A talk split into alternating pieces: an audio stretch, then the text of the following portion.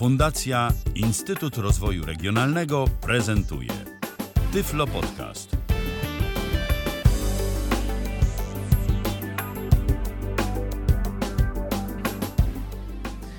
Kończy się dziesiąty miesiąc, zaczyna się dziesiąta audycja, czyli było nie było mały jubileusz tyflo przeglądowy. E, dziesiąta audycja. Dzisiaj skromniejsza nieco ekipa. Jubileuszowo jakoś tak się zrobiło. No właśnie, ja nie Jest- rozumiem, co to się dzieje. Jubileusz powinniśmy wszyscy świętować, a dziś jakoś tak mało nas, mało nas. Ale za to informacji Może wcale nie tak mało. świętuje faktycznie. No właśnie, aby po prostu, a, no wiesz, ktoś y, pracować Tutaj. musi, żeby Ktoś bawić musi pracować, żeby świętować ktoś. mógł ktoś. Tak. tak. Y, Mikołaj Hołysz, Michał Dziwisz, Paweł Masarczyk i ja, czyli Tomek Bilecki. Dobry Prawdopodobnie wieczór. Niedługo dołączy do nas Robert Łabęcki. Możliwe, że dołączy do nas y, w drugiej połowie y, Kasia Ślipek, ale zobaczymy, co będzie, jak będzie. Ale na razie, na razie jest nas czterech, czter, czwórka wspaniałych. No i co, no trzeba chyba zaczynać, prawda? Dobra, y, to przeglądamy takim troszeczkę mm, zagadkowym wpisem. Y, Wpisem Mikołaja Hołysza, który napisał, że jest y, bardzo, bardzo pozytywnie zaskoczony. Napisał bardzo, bardzo pozytywnie. Czymże to? No, Jesteś bardzo, tak. bardzo pozytywnie zaskoczony. Mówiliśmy w ostatniej audycji o pisaniu do firm a propos dostępności, o tym, jakie to może przynieść skutki, że to czasem działa, czasem nie. No ja ostatnio miałem akurat okazję do kilku różnych firm a propos tę, tej dostępności pisać, bo próbowałem poszukać jakiejś fajnej, ciekawej aplikacji do organizowania sobie, że tak powiem, życia, czyli jakieś notatki, listy zadań i tak dalej, i tak dalej, i tak dalej. Coś, co by się synchronizowało między iPhone'em, między Windowsem, żeby to było jakkolwiek dostępne, ewentualnie na przykład jakieś przeglądarki. Zresztą, jeżeli któryś z słuchaczy coś ma, to może podrzucić. No i trafiłem na aplikację Workflowy. Yy, Ta aplikacja jest najprościej mówiąc drzewem, jednym wielkim drzewem, w którym możemy sobie coś tam organizować. No i ta dostępność, jak na razie, to tam była taka, taka raczej średnia niż fajna, z narratorem, coś gdzieś jeszcze, ale z NVDA to tak różnie było. No i napisałem do supportu że w sumie to można by poprawić, popracować, że jest taki i taki problem. Wyjaśniłem, co, co mi nie działało. I ewidentnie komuś się ch- zaczęło chcieć, bo prowadziłem i gdzieś tam jest jeszcze prowadzona konwersacja mailowa między mną a, a supportem i dostałem na przykład jednego maila na 8000 znaków i ewidentnie człowiek z supportu sobie instalował NVDA, testował, patrzył, próbował. Y, Co z tego wyjdzie, nie wiem, ale ewidentnie widać tu jakąś chęć do współpracy. Więc tak, warto do firm pisać, czasem to faktycznie przynosi skutek. Y, Ja tak jeszcze zapytam, to jest na razie taka, y, takie zainteresowanie bardziej teoretyczne niż praktyczne, tak? To znaczy, jeszcze na razie nie ma y, gdzieś przejawów wdrożenia tej dostępności. Jeszcze na razie nie ma, ale ewidentnie wiesz, testy, coś próbują. No tak, od czegoś- od czegoś trzeba zacząć. Patrzy, tak. Ale no, Super. sa, samo to już jest, już jest czymś, bo w większości przypadków yy, nie wiem, jak dostępność wpłynie na wygląd. Twój tam problem został uznany za rozwiązany, kropka. I albo jest to na, naszym, na naszej liście priorytetów i, i zero reakcji, a tu jednak, jednak coś zdecydowanie innego w porównaniu do, do większości, do większości tego typu, tego typu stron. No to jest pozytywnie słyszeć takie rzeczy, zwłaszcza, że ja też ostatnio czytałem o kilku y, albo uczestniczyłem w ciekawych rozmowach i do czegoś to prowadzi, bo na przykład antywirus Viper też ostatnio y, jest na forum Audio Games cała dyskusja o tym, że On kiedyś był dostępny, on był znany z tego, że był dostępny. Coś mu się potem pogorszyło i teraz znowu ma być lepiej, że już jest to naprawiane. Support wie i się tym troszczą. Yy, natomiast druga rzecz to ja ostatnio piszę sobie z yy, na GitHubie z osobami odpowiedzialnymi za projekt Be Welcome. Jest to taka open source'owa, otwarta alternatywa dla couchsurfingu, gdzie problem polega na tym, że w wielu miejscach, chociażby przy rejestracji, kiedy mamy podać miejsce naszego zamieszkania, żeby zadeklarować, gdzie będziemy podejmować gości, no to poniekąd jesteśmy zmuszani do wyboru tego miejsca z mapy. No i zgłosiłem ten błąd. Chwilowo autorzy sugerują, że mogę po prostu ominąć tą mapę i nacisnąć next, ale mi to nie działa, więc tam teraz mamy taką przepychankę troszkę. Yy, czy ja czegoś nie wyłączyłem, czy oni czegoś nie dopatrzyli, ale na pewno chcą dodać jakiś, yy, jakąś poradę dla użytkowników screenreaderów, żeby to było bardziej oczywiste. No więc yy, wola jest i to, to widać i to jest super. A trzecia rzecz jest taka, że dołączył do nas Robert Łabęcki. Dzień I dobry. czwarta rzecz jeszcze jest taka, że mm, zdaje się, przynajmniej tak mi się wydaje, Michał potwierdzi, że można do nas dzwonić, czy nie potwierdzisz? Potwierdzę, że można dzwonić. Uruchomiłem telefon, więc jeżeli ktoś tylko chce, to 123 834 835 można. A ja jeszcze dodam a propos dostępności, bo nie było tego co prawda w naszej rozpisce, ale myślę, że warto o tym powiedzieć. Aplikacja Signal y, w wersji na Androida, o której gdzieś tam żeśmy mówili, że tam z tą dostępnością był problem, jest lepiej. Y, Testowała to ostatnio jedna z moich tam gdzieś tam znajomych osób i wiadomości głosowe na Androidzie się da wysyłać, da odbierać, działa to. Testowaliśmy, Prawda jest udało taka, się. że zawsze się chyba dało, tylko akurat wtedy, kiedy my przeprowadzaliśmy te testy przed waszą audycją, coś się chyba zacięło. Bo ja bez żadnej aktualizacji dwie godziny później byłem w stanie te wiadomości odtwarzać. A.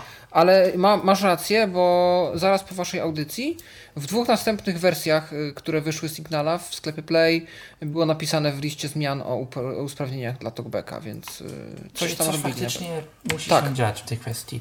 I na iOSie, na iOSie zresztą też się to da zauważyć, bo kiedyś te wiadomości głosowe to były na przykład jakieś cztery elementy, tam przycisk odtwórz czas, coś tam jeszcze i coś tam jeszcze.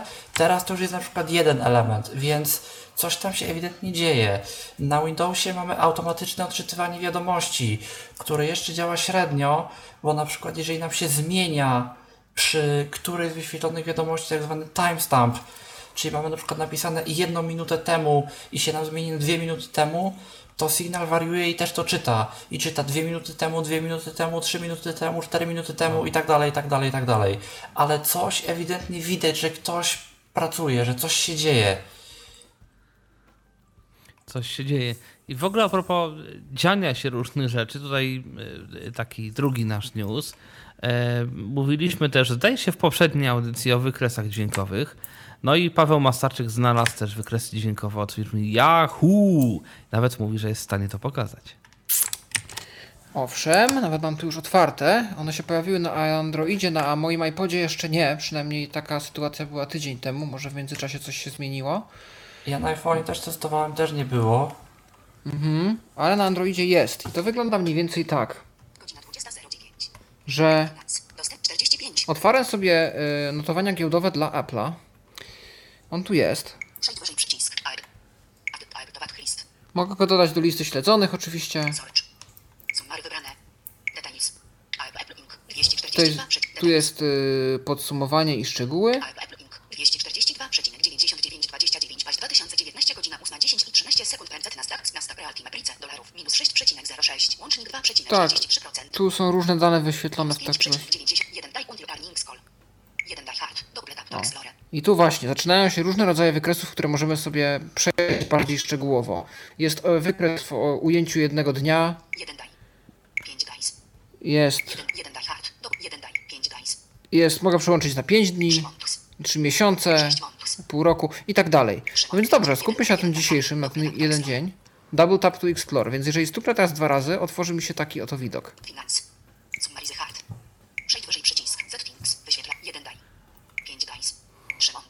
Tu mogę to przełączać. 5 inverse. Max. Reviews closet 204. High start. Reviews closet 249,05. To jest cena przy poprzednim zamknięciu giełdy. Start godzina druga 30 248 start y, z pozycji wysokiej o godzinie 2.30 w nocy. Godzina druga 43 N 248,23. Godzina druga 56 N 247,15. y, Godzina trzecia PM. 09 N 246,73. Tak, po południu. I tu mamy w ujęciu właśnie co, Godzina trzecia 22 N. Godzina trzecia 09 N co, co 13 mniej więcej minut, 15 e, różne wartości, do jakich podskoczyła cena akcji Apple'a. A gdybym chciał sobie to przejrzeć dźwiękowo, to w dowolnym miejscu stukam dwukrotnie z przytrzymaniem.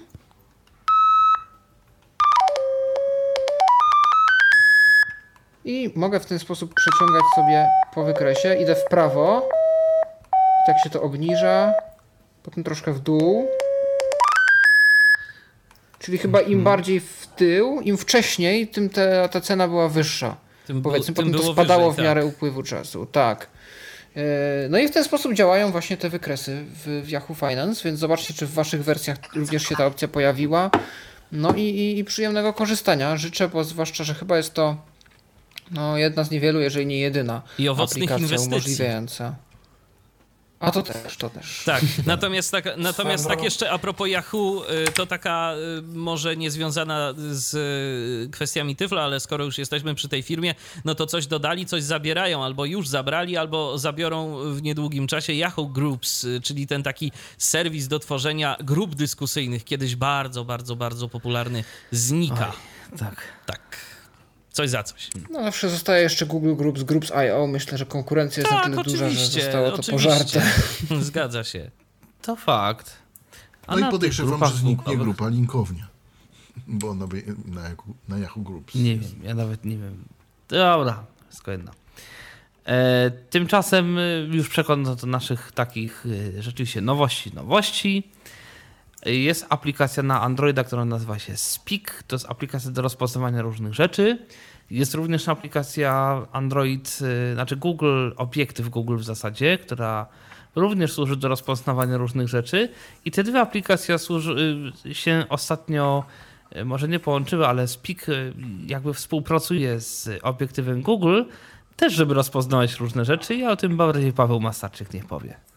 Chociaż ja też wiem o co chodzi, ale Tak, te, to możesz, możemy porównać nasze doświadczenia. Znaczy moje doświadczenia były różne, bo były takie doświadczenia i to niestety jest ta smutna większość, w których y, za wiele się nie udawało. Problem polega na tym, że sama aplikacja obiektywu Google dostępna jest, w takim sensie, że po interfejsie da się iść. Tylko tam trzeba mieć szczęście, żeby zrobić dobre zdjęcie, bo w momencie, kiedy zdjęcie nie jest zbyt jasne, to jesteśmy proszeni, żeby zaznaczyć fragment zdjęcia, który chcemy poddać wiesz, ja analizie. bym może zaczął od czego trochę innego. No, czym jest Google Obiektyw Lens? Google to nie jest aplikacja dla niewidomych. Otóż Ona to. nie służy do rozpoznawania tekstu dla niewidomych, tylko ona służy do zdobywania bardziej szczegółowych informacji na temat produktu, który mamy przed sobą. To znaczy mamy, nie nie, tylko wiem, produktu. No jakichś różnych Tego rzeczy, kontekstu obrazów. tego, co jest na zdjęciu. Powiedzmy przykładowo, moja mama wrzuciła zdjęcie... Robimy zdjęcie psa i możemy sobie o tym, o tej rasie przeczytać jakieś parę Tak, ciekawostek. albo na dostajemy jakiś widoczek od znajomych na Whatsappie, możemy go poddać analizie i zostanie nam wyświetlone, w jakim miejscu prawdopodobnie to zdjęcie zostało zrobione. Jeżeli jest jakiś zabytek na zdjęciu, to nam się pokaże, co to za zabytek. Jeżeli jest roślinka, to nam pokaże, co to za roślinka. W związku z czym nie wiadomo, co Google uważa za najważniejszą rzecz, to jest raz.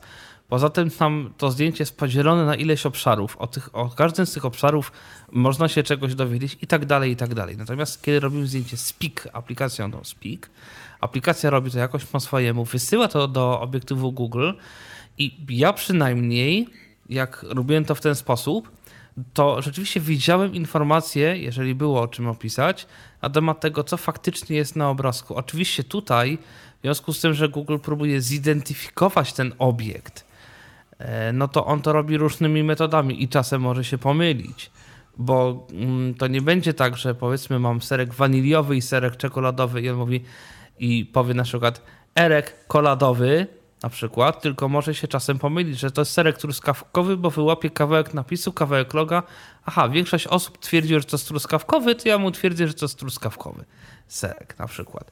Taka rzecz może się zdarzyć, więc powiedzmy z tym ostrożnie. Mm, Natomiast no myślę, że mm, no możliwe, że z czasem, o ile już tak nie jest, bo ja to testowałem też jakiś czas temu, te algorytmy google'owe, może być tak, że no, są tak, będą takie sytuacje, w których rzeczywiście może to się e, do czegoś przydać. Natomiast no, to jest takie rozpoznawanie, e, co to jest za obiekt i jeżeli Google nie wie za bardzo, co to jest, to albo pokaże, że to jest nic, albo spróbuje odgadnąć.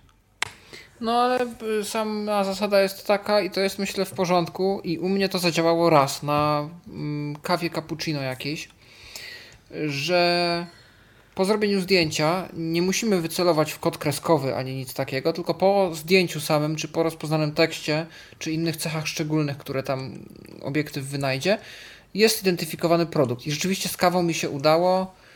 Yy, Potem próbowałem czegoś rzeczywiście takiego, że miałem potrzebę, nie że robiłem test, tylko miałem potrzebę rzeczywiście coś identyfikować i się okazało, że on sobie z tym nie daje rady. Natomiast yy, no, gdzieś już to prowadzi i jakiś początek już tego jest. Natomiast druga funkcja też doszła oprócz, oprócz tego obiektywu. E, zgłaszanie e, zdjęć, które nie do końca wyszły deweloperowi. To jest fajna sprawa, bo e, możemy zrobić zdjęcie. Powiedzmy, tam ten tekst nie zostanie jakoś rozpoznany zbyt szczególnie, ale możemy to zdjęcie dostać do twórcy za pomocą danej opcji, żeby je poddać analizie, żeby twórca mógł dodać to zdjęcie do jakiejś bazy albo samemu sprawdzić, na jakie warianty warto przeszkolić jego mechanizm, który jakoś tam po jego stronie serwera usprawnia te zdjęcia, y, a żeby w przyszłości te odczyty były coraz lepsze. Inna sprawa, że główkuje w tym momencie, jakby tutaj jeszcze ludziom umilić życie y, i rozważa włączenie y, takich usług Google do rozpoznawania tekstu, ale chmurowych. Dlatego, że na przykład te offline, z których korzysta aktualnie, nie wspierają wielu języków, y, głównie jakiegoś arabskiego, języków y, Indii, y, perskiego, farsi i tak dalej, a wielu użytkowników że jednak tych, które nie mają alfabetu łacińskiego, bo to najczęściej tak jest. Tak, ba bardzo możliwe, że o to chodzi. I można by takie serwisy uaktywnić, można by z takiej usługi skorzystać, ale za opłatą, no bo Google sobie do swoich API rości takie prawa, że należy uiszczać opłaty. No więc teraz na grupie WhatsAppowej projektu jest debata, e, czy ludzie by chcieli płacić, czy byliby skłonni, a jak tak, to ile. No i zobaczymy, co z tego wyjdzie. Więc e, no, może, może z propos- czasem zobaczymy też takie ulepszenia w spiku. A propos sprawdzania, co z tego wyjdzie, no wyszła nowa beta TalkBacka, jeżeli ktoś ma betę. No i tutaj mm, takie małe ostrzeżenie. Uwaga, beta to jest beta, czyli wersja nie do końca sprawdzona. No i ta beta tutaj y, ma pewne problemy. Za to nie ma changeloga, więc nie wiadomo, co się zmieniło teoretycznie. I tutaj Paweł wynalazł też y, tę betę, więc może Paweł kontynuuje. Tak, yy, więc na pewno z tych rzeczy, które doszły, doszły wskazówki. E, wskazówki, które są dla wielu użytkowników, przynajmniej na Ice Free, upierdliwe, że się tak wyrażę, bo nie da się ich wyłączyć, a są one na przykład na każdym elemencie, który zawiera działania. No i jak najedziemy na coś, co można w jakiś sposób e, wejść, w, wejść z tym w interakcję za pomocą działań, to usłyszymy dostępne działania. No to jest powiedzmy dość e, użyteczne i warto o tym wiedzieć. Natomiast jeżeli ktoś się już czuje na tyle zaawansowany, że nie potrzebuje, a korzysta cały czas z tych samych aplikacji, to fajnie by było, jakby dało się to wyłączyć. Natomiast e, ponoć takie komunikaty również pojawiają się przy polach edycji, że opcje edycji są dostępne. No to już jest trochę bardziej denerwujące, bo jest to zdaje się dość oczywiste, że można kopiować i wklejać w polach edycji i zaznaczać. E, I może nawet jeżeli nowi użytkownicy potrzebują takich wskazówek, to no ci bardziej już wytrawni dostają szału, no bo na każdym polu edycji No tak, bo jakieś- przydałoby się móc to wyłączyć, tak jak jest to w iOSie. Mam wrażenie, że y, TalkBack y, próbuje pewne rzeczy mm, takie ułatwiające życie właśnie y, z VoiceOvera brać. Natomiast ja mam takie dziwne wrażenie, że właśnie dużo jest takich skarg dlatego, że zrobili to zdecydowanie za późno i teraz już no sporo jest tych doświadczonych użytkowników, którzy przecież wiedzą, co tam się robi w y, polu edycyjnym i że można sobie kopiować i po prostu nie jest im to potrzebne i dlatego tak to wygląda. Gdyby to było od samego początku wdrożone i była możliwość wyłączenia, bo ja się zgadzam, że powinna być, no to też inaczej by to wyglądało. Tak sądzę. A czy w A Androidzie poza tym samo określenie opcje edycji są dostępne. Myślę, że początkującemu użytkownikowi też nie bardzo powie A wiele. to jest zupełnie co to inna jest. kwestia. To tak, zrozumiałość komunikatów to jest, to jest druga rzecz.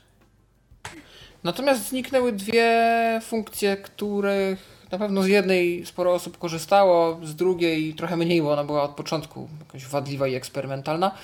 A mianowicie y, odczyt wszystkiego na ekranie poprzez potrząśnięcie telefonem i stuknięcie w bok urządzenia. Tam było pojedyncze i podwójne. Można było skonfigurować, co się wtedy wydarzy. To rzeczywiście było wadliwe, tu potwierdzam, bo miałem to kiedyś ustawione i włączało się zupełnie bez powodu. Więc y, dobrze, że się tego pozbyto. Natomiast y, potrząsanie, no nie wiem jakie tam były doświadczenia i jaki był zebrany feedback od użytkowników, ale zdaje się, że z tego ludzie jednak korzystali. Inna sprawa, że to się lubiło czasem włączyć też y, samo, no i jeżeli chcieliśmy no potrząśnięcie telefonu do czegoś innego przypisać, to trochę ciężko było, no bo, bo Talkback od razu zaczynał czytać wszystko jak leci. E, Tak samo jak gdzieś tam powiedzmy mocniej tym telefonem potrząsnęliśmy, czy podrzuciliśmy go w wyniku jakiegoś tam zdarzenia komunikacyjnego, e, czy gdzieś w samochodzie, czy coś, też, też się to gdzieś tam zdarzało, więc y, no mm, może, może byli tacy użytkownicy, którzy zgłosili e, niechęć do tej funkcji, może było więcej. W każdym razie już nie ma. A tymczasem A tymcza- Facebook nie tak, próżnuje. Tymczasem co, o, o czymś, co jest, co się pojawiło. Tak, o czymś, co jest, co się pojawiło.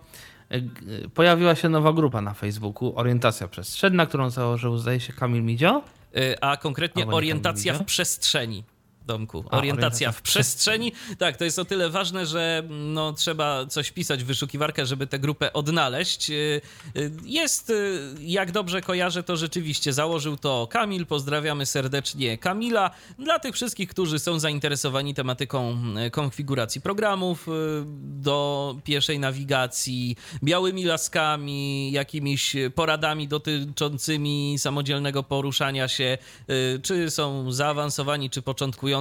Tak z opisu to chyba nawet przede wszystkim dla tych, którzy, no, którzy potrzebują po prostu jakiejś pomocy, więc y, gdzieś tam stawiają swoje pierwsze kroki, y, to myślę, że grupa jest y, jak najbardziej, można się do niej zapisać. Grupa jest publiczna, więc można ją wyszukać, natomiast jest grupą zamkniętą, więc trzeba poprosić o y, dołączenie do niej. Wy, wyszukujemy To sobie... chyba większość tych grup y, naszych środowiskowych są grupami zamkniętymi. Tak, to się zgadza, natomiast no, z racji tego, że różnie mogą e, nasi słuchacze z różnych grup korzystać, to dlatego o tym konkretnie mówię, bo grupy mają różne ustawienia. I ja się zresztą na tym złapałem, bo poprosiłem o dołączenie do grupy. To w ogóle teraz ja to robiłem z telefonu i trochę zaskoczyłem się taką jedną rzeczą, bo wysłałem prośbę o dołączenie do grupy. Mam komunikat, że twoja prośba została wysłana. Ale poniżej jeszcze mam takie pole z regulaminem tej grupy i trzeba było go zaakceptować. Tak więc y, samo y, wysłanie prośby o dołączenie może nie zawsze wystarczyć i warto tam się jeszcze rozejrzeć, czy wam coś nie wyskoczyło poniżej, że na przykład trzeba zaakceptować regulamin grupy. Tego Albo kiedyś... odpowiedzieć Albo na pytanie wypełnić ankietę, bo na przykład kiedyś właśnie miałem taką grupę, że tam y, była jakaś taka krótka ankietka E, Tak, z tak, tak. pytaniami. To, to są więc właśnie, to, są właśnie to odpowiedzi. bywa. tak, to są odpowiedzi na pytania administratora. Ja mówię o, tej, o tym konkretnym przypadku, który był. Pierwszy raz coś takiego widziałem. Odpowiedzi na pytania administratora y, zauważyłem y, już y, na kilku różnych grupach, do których przynależę. Natomiast no śmiesznie to jest z punktu, z perspektywy dostępnościowej jest to o tyle, że przynajmniej na tym mobilnym Facebooku, mfacebook.com albo mbasicfacebook.com, yy, ściśle rzecz biorąc, to ten tekst tych pytań jest rozstrzelony za pomocą spacji i dość dziwnie czyta się go syntezą. Jeżeli tam są jakieś. No tak. Miałem kilka takich pytań, e, które wymagały no, dość dokładnego zapoznania się z nimi, żeby udzielić prawidłowej odpowiedzi. E, To nie było pytanie w rodzaju co ma Ala i dlaczego kota. E, I naprawdę wtedy trzeba było tak się intensywnie tym pytaniom przyjrzeć, bo synteza nam je czytała dość dziwnie. To jest też tak swoją drogą taka ciekawostka. Kolejną ciekawostką jest, y, są udogodnienia w serwisie Vimeo dla nas, y, bo rzeczywiście coś tam się chyba się poprawiło. I znowu Paweł, zapraszamy. Tutaj podziękowania dla Kazia Parzycha za udostępnienie tego na Tyflosie, bo stąd, stąd wziąłem artykuł. Natomiast rzeczywiście też, żeby nie było, sprawdziłem. Vimeo to jest ten serwis, na który na przykład y, wrzucane są filmy z adaptera. E, Więc jeżeli oglądacie filmy na adapterze, to pewnie kojarzycie ten odtwarzacz. Ja na przykład miałem na nim zawsze problemy z przewijaniem filmów, bo teoretycznie to działało na włączonym trybie formularzy, jak się strzałkami lewo-prawo przesuwało, ale było to dość e, uciążliwe, bo to skakało po jakichś dziwnych odstępach. Jak się za bardzo poleciało do przodu, to buforował się film i się wszystko zacinało. Potem jak się próbowało wrócić w lewo, to było jeszcze gorzej, bo wracało znowu na początek albo gdzieś, gdzie bądź, ale nie tam, gdzie trzeba. No i e, było to dość niestabilne. Natomiast Vimeo oświadczyło na swoim blogu, że dokłada już teraz wszelkich starań, żeby ich odtwarzacze były dostępne, czyli są dostosowane kontrasty kolorów, czyli wszystko da się obsłużyć z klawiatury, czyli są usprawnienia pod kątem screenreaderów. I rzeczywiście widzę, że na przykład to przewijanie, które wcześniej było no takie sobie, jest teraz normalnie suwakiem i kiedy ja na ten suwak nacisnę Enterem i przesuwam strzałkami lewo-prawo, jest oznajmiane na bieżąco, do którego kroku czasowego się przesunąłem, czy do dwóch minut, czy do iluś tam minut i sekund. Wszystko jest czytane. Co więcej, na suwaku głośności jest instrukcja podana, używaj strzałek w górę i w dół, aby zmienić wartość. No i wtedy jak klikniemy Enterem na ten suwak, to również analogicznie strzałkami możemy modyfikować głośność. No i wszystkie przyciski widzę są e, ładnie opisane, e, więc brawo Vimeo. Brawo Vimeo.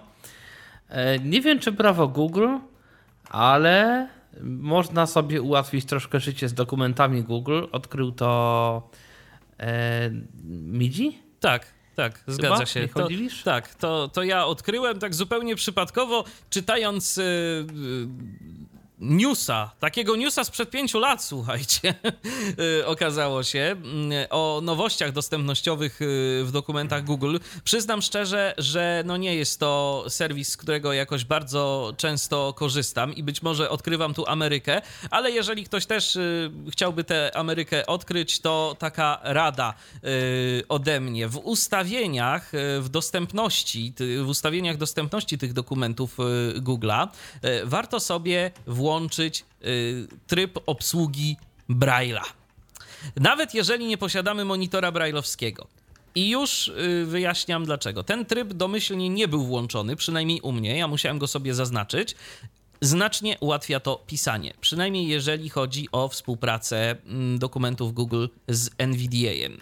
Bo w momencie, gdy piszemy jakiś tekst w dokumentach Google bez y, włączonego trybu obsługi monitorów brailleowskich, to dostajemy podwójną informację zwrotną. To znaczy, jeżeli na przykład mamy odczytywanie info, y, mamy odczytywanie znaków, ja akurat tak mam to skonfigurowane, to jeżeli wpisze, wpiszemy na przykład literę A, to dostaniemy podwójne A, to znaczy AA y, y, dostaniemy taką informację zwrotną. Natomiast jeżeli włączymy sobie tę obsługę monitorów brailleowskich, to ustawienia czytania są z tego, co wyczytałem i to rzeczywiście mogę potwierdzić, są respektowane przez dokumenty Google'a, także po prostu wygodniej nam się pisze, nie dostajemy po uszach zbyt y, dużą gadatliwością naszego czytnika ekranu. Sprawdzone z NVDA.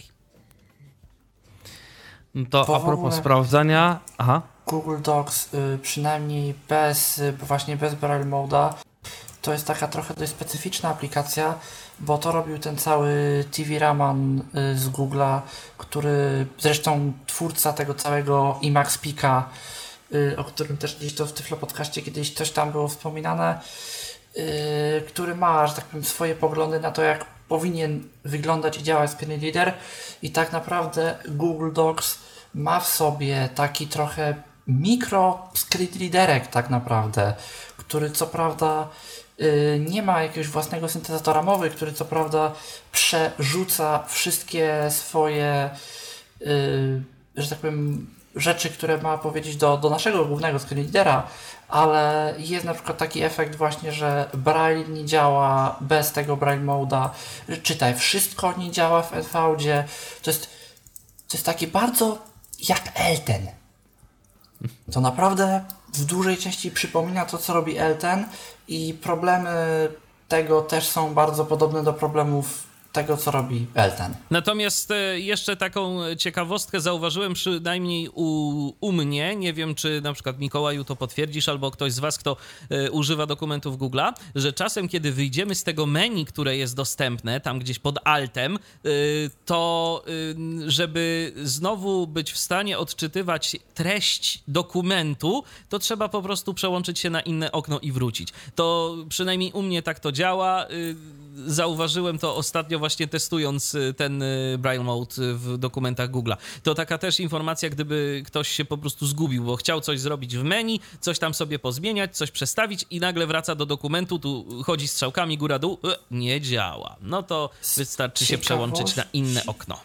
Mnie zastanawia jedna rzecz. Czy w Braille Mode dostajesz te takie dodatkowe komunikaty, które Google Docs ci normalnie daje? Typu link, typu ktoś tam, ktoś tam tutaj edytuje. Wiesz co? tak dalej, to tak trzeba by dalej. było posprawdzać, ewentualnie jak będziesz miał chwilę czasu, to możemy się tym pobawić i zobaczymy, Mhm. y, jak to będzie wszystko działało. Mm, na przykład właśnie przy edycji dokumentów kilka osób. I jak zdążymy, Mhm. to zdamy relację w następnej audycji. Tak, y, a tymczasem Europejska Unia Niewidomych EBU zbiera opinie na temat dostępności, to się nazywa stron sektora publicznego, czyli stron powiedzmy, że rządowych, y, w kontekście coś, czego weszło, co się nazywa podobno dyrektywa o dostępności cyfrowej i o tym nie wiem kto, bo nie ma napisane. Ha, To moje też. ale no właśnie. W sumie E, czemu się pytam? Nie no, przecież inni też rzucają informacje. To nawet Europejskie Forum Osób Niepełnosprawnych, IDF, e, zbiera takie opinie, ponieważ dyrektywa powinna już od września e, no, być w działaniu i, i te strony powinny już być dostępne tak naprawdę. E, W związku z czym zbierane są opinie, jak tam ta dyrektywa wpłynęła i czy rzeczywiście te zmiany są odczuwalne i czy coś jeszcze nie działa. Więc jeżeli macie ochotę, w komentarzach będzie podlinkowane, no to możecie tam też również zgłaszać, e, co konkretnie jeszcze nie działa. To na pewno się ucieszą z opinii, może będą w stanie jakoś wpłynąć, żeby działać zaczęło. A teraz o czymś, co się nazywa walina, ale to nie jest środek na y, agresję, tylko to jest y, usługa, która wchodzi do Polski i oferuje podobno pierwsze dotykowe terminale płatnicze, które mogą być dostępne dla osób niewidomych. Ale Owszem. o tym też nie wiem kto. Owszem, A, no, owszem, sumie- to też zaczerpnięte z listy Tyflos. y, Chyba umieścił to Jacek Zadrożny, więc też dzięki za udostępnienie. E, Jest, wchodzi taki terminal. Terminal, który ma integrować się z różnego rodzaju właśnie maszynami vendingowymi, masz automatami do różnych rzeczy e, lub po prostu z płatnościami zbliżeniowymi czy, czy tam na kartę. E, I jest to terminal dotykowy, ale terminal ten posiada wypustki dotykowe, by można było wyczuć układ klawiatury i udźwiękowienie głosowe. E, Czy przez słuchawki, czy, czy też nie, nie, nie udało mi się dotrzeć niestety, nie było też specjalnie jakiegoś filmiku z demonstracją. Natomiast e, jest już jakaś pierwsza, powiedzmy, solucja, taka konkretna, którą widać e, z tego artykułu by wynikało, na problemy z niedostępnymi terminalami płatniczymi. Swoją drogą, trzeba tak będzie a propos, poczekać, czy to wejdzie. a propos tego y, urządzenia, to czy ktoś z Was oglądał ten filmik y, dotyczący tego, tego poprzedniego, y, tej poprzedniej informacji na temat y, terminali opartych o Android Pay? Y, O których była mowa w poprzedniej audycji. Czy ktoś z Was y, to widział? Pod y, komentarzami, w komentarzach pod poprzednim Tyflo przeglądem ja wrzuciłem ten filmik, obejrzałem go sobie i muszę przyznać, że no, dla mnie to urządzenie działało dość specyficznie, bo tam nie były oznajmiane cyfry. Tam każda cyfra y, była oznajmiana dźwiękiem.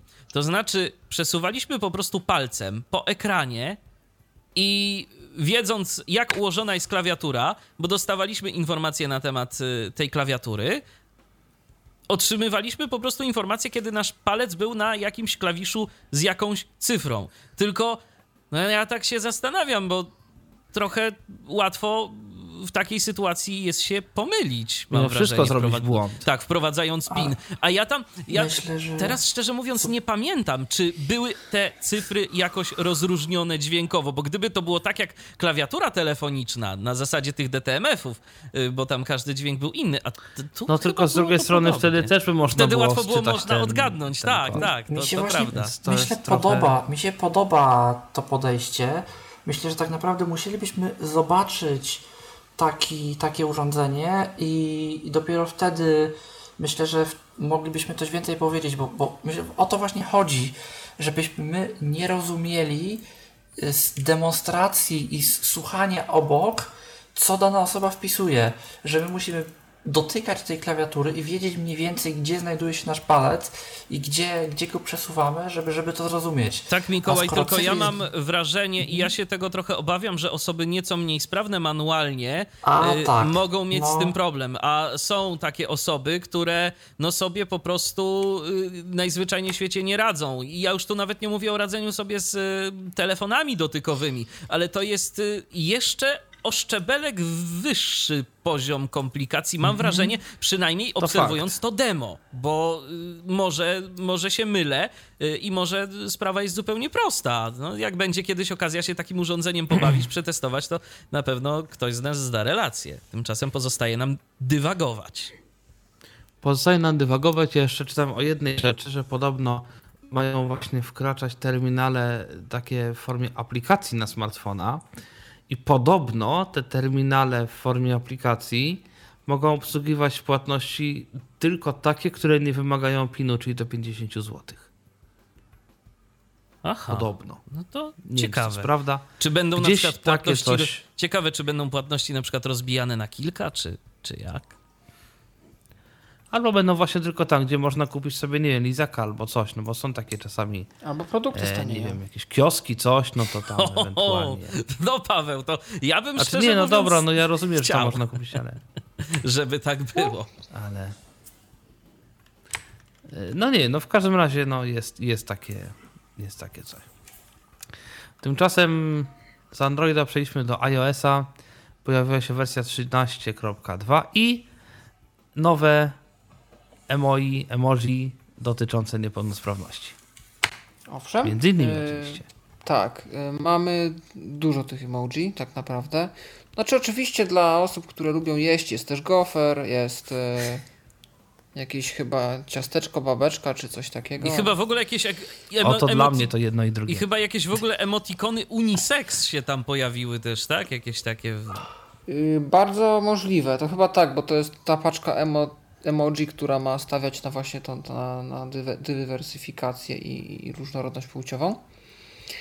Natomiast oczywiście są też y, niepełnosprawności. One już były wcześniej zapowiadane i, i zdaje się, że mówiliśmy o nich przy okazji iOS 13 w ogóle, więc zdziwiony byłem, jak dziś zobaczyłem yy, newsy o tym, że weszły dopiero teraz te nowe emoji. No i mamy między innymi mężczyznę i kobietę e, w zmotoryzowanym e, i wręcznym, wręcznie sterowanym wózku inwalidzkim. Sam ręcznie e, i mo- zmotoryzowanie sterowany wózek inwalidzki.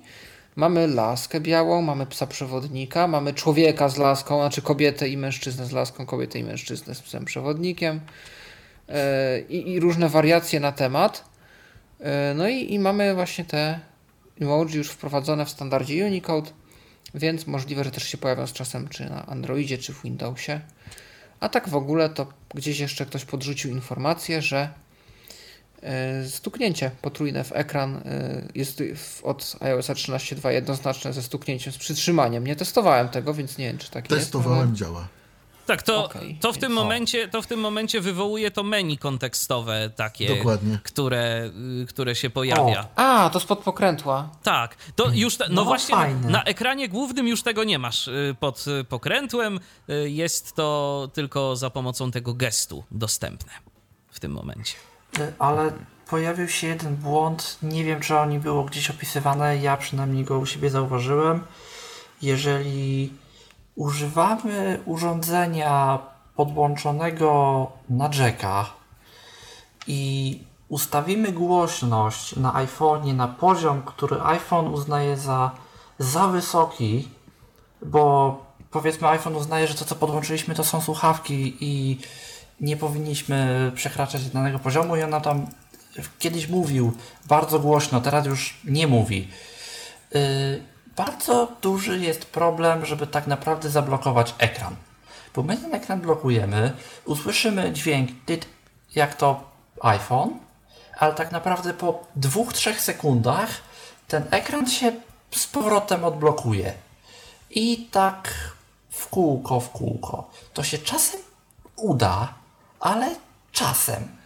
Więc ja na przykład, jeżeli słucham czegoś, jakichś powiedzmy książek audio, to ja sobie muszę dla użytkowników Bookplayera warto sobie, tam jest taka opcja w ustawieniach właśnie zaznaczyć, że podbij głośność, jak ktoś używa czegoś innego, to użyć jakiegoś edytora audio na komputerze, żeby po prostu tę głośność sztucznie podbić, bo jest to zdecydowanie irytujące. Natomiast na iOSie 13.2 y, pojawiły się też poprawki, y, szczególnie y, jeżeli komuś był za mały pasek statusu O. u góry ekranu. Przynajmniej u mnie na iPhone 6s w końcu ten pasek jest lepiej dostępny, łatwiej jest sięgnąć do niego palcem, łatwiej jest czytać wszelkiego rodzaju informacje z tego paska. Było, były takie głosy, że w iOSie 13 2 ma nie być ten pasek widoczny, kiedy jesteśmy w jakiejś aplikacji. Nieprawda, jest widoczny, widocznie tak było po prostu w becie, ale y, wycofano się z tego pomysłu. Mam też wrażenie, że troszeczkę lepiej działa y, wyświetlanie y, powiadomień jako takich. Ten fokus nadal troszeczkę pływa, ale zdecydowanie mniej, bo przecież w poprzedniej wersji iOS-a to praktycznie z tych powiadomień nie dało się korzystać, bo chciałem odczytać jedno powiadomienie, a VoiceOver czytał mi coś zupełnie innego. Natomiast ja mogę powiedzieć, że w iPhone 8, bo też testowałem tego najnowszego iOS-a, y, tutaj ten pasek powiadomień rzeczywiście jest czytany troszkę lepiej, ale nie jest to to, co w wersji 12. Y, Tam jednak to było zdecydowanie lepiej zrobione. To znaczy, łatwiej było jednak się tam dostać. Y, Oni troszkę to poprawili, ale to nie jest jeszcze ta wygoda, która była. Ale z drugiej strony jest ten gest. 12. Przejść do paska statusu, którego w iOS 12 nie było. Jego sobie trzeba ustawić tam w ustawieniach. Ja sobie na przykład ustawiłem na dwa palce w górę, bo po gest dwa palce w górę jest tak naprawdę bez sensu, bo można go zrobić czterema palcami u góry i dwoma palcami w dół. Yy, więc ja sobie na gesty dwa palce w górę przestawiłem na, na przejść do paska statusu. No i tak i można, i może to być jakieś takie obejście tego, ale to Może to być jakiś Tak. workaround.